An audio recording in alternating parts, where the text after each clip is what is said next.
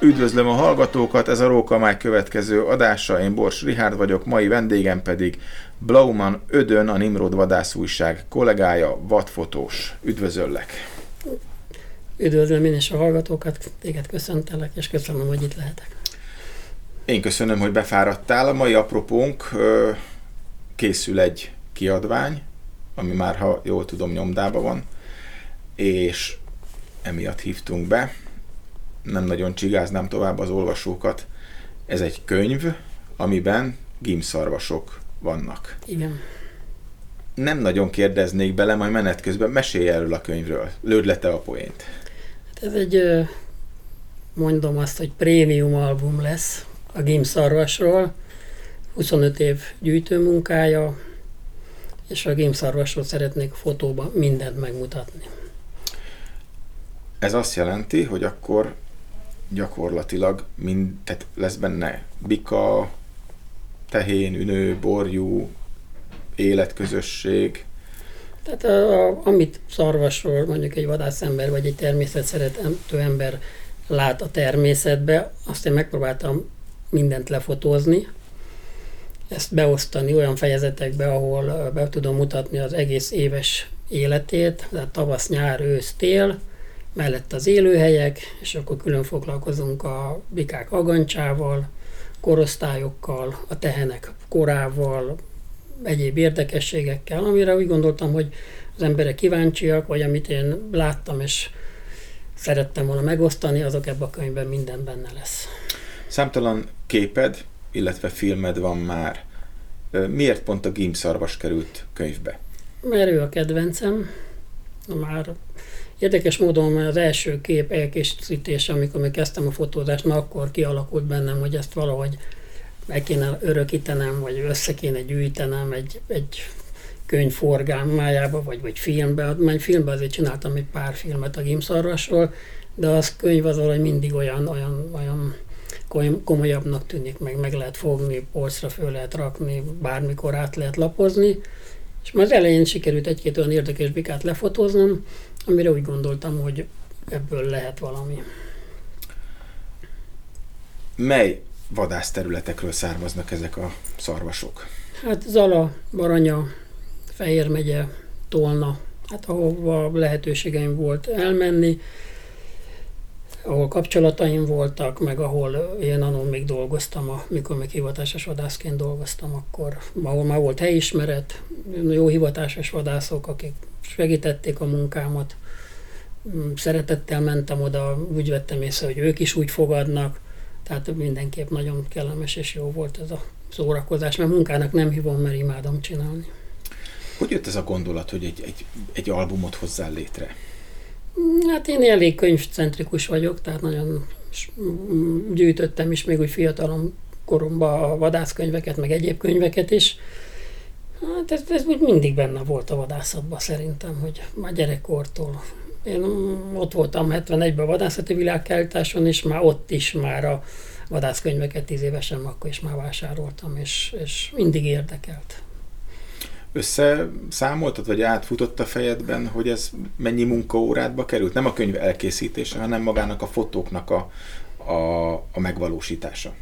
Hát 25 év, mondjuk szeptemberben, egész szeptember, plusz hát sok, nem tudom, de több, több ezer óra, vagy tízezer óra, nem, tudom, nem tudom. De nem is így nézem, mert én amióta eszemet tudom, én szeptemberben soha nem mentem sehova, csak a bőgés érdekelt. Már mikor a szakmában se voltam, tehát már más csináltam, akkor is nálam a, hát ez a 30-40 les alkalom minden szeptemberben megvan. Tehát reggel este így jön ki. Tehát nem vannak napok, mikor kihagyok, de, de nagyon sokat vagyok én. Mikorra várható ez a, ez a könyv? Lesz-e de, bolti árusítás? Tehát hogy, hogy tervezted az utóéletét a könyvnek? Hát december 10-e körül fog megjelenni. Bolti árusítás nem lesz. Én fogom forgalmazni, mert én vagyok a kiadó is és igazából ráérek eladni ezeket a könyveket, szép lassan, interneten, vadászati találkozókon, Fehován, Országos Vadásznap, Facebook, meg át, ahol tudom, de, de én szeretném a kezembe tartani a forgalmazását. Nagyon sok fotó található a könyvben értelemszerűen.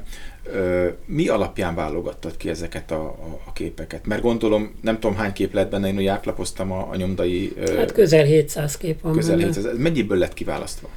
Hát egy olyan tízezerből. Azért ez is egy szép munka lehetett, hogy ennek nekiülni, és akkor...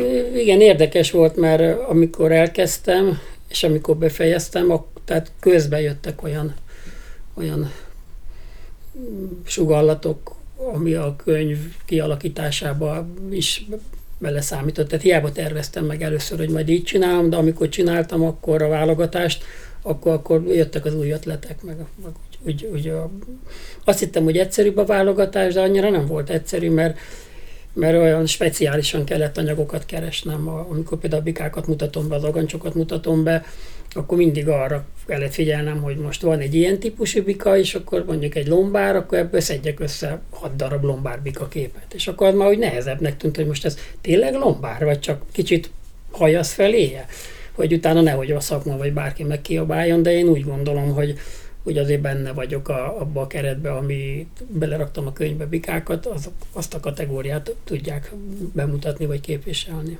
Hát szakmailag úgy, úgy tűnik, hogy nem nagyon lehet benne kifogást találni, tehát azért a, a hivatásos vadászmúlt az azért jelentkezik erősen benne.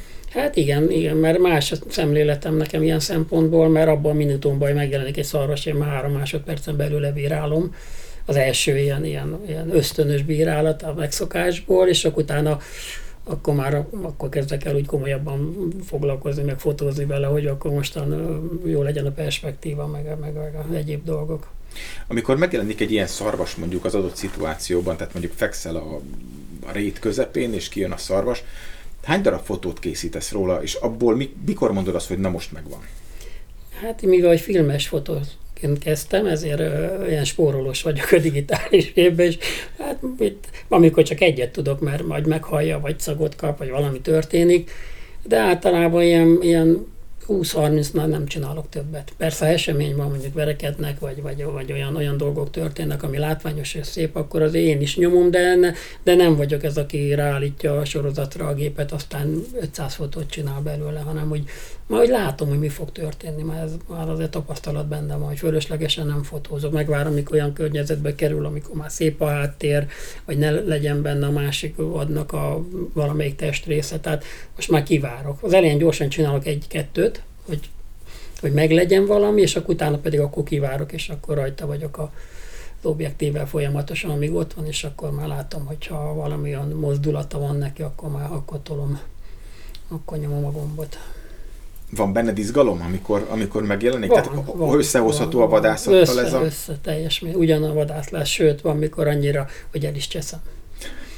Tehát elrontom, mert annyira izgulok és kapkodok, és, és, és nem tudom, hogy miért, de fegyvernél már nem volt soha, de így fotózásban van, mert mikor jön, tudod, hogy gyere még, gyere még, gyere, ó, most jó, állj meg, ne menj tovább fordulj jobbra, fordulj balra, tudod, hát ilyenkor megcsináljuk jobbról, balról, előről, hátulról.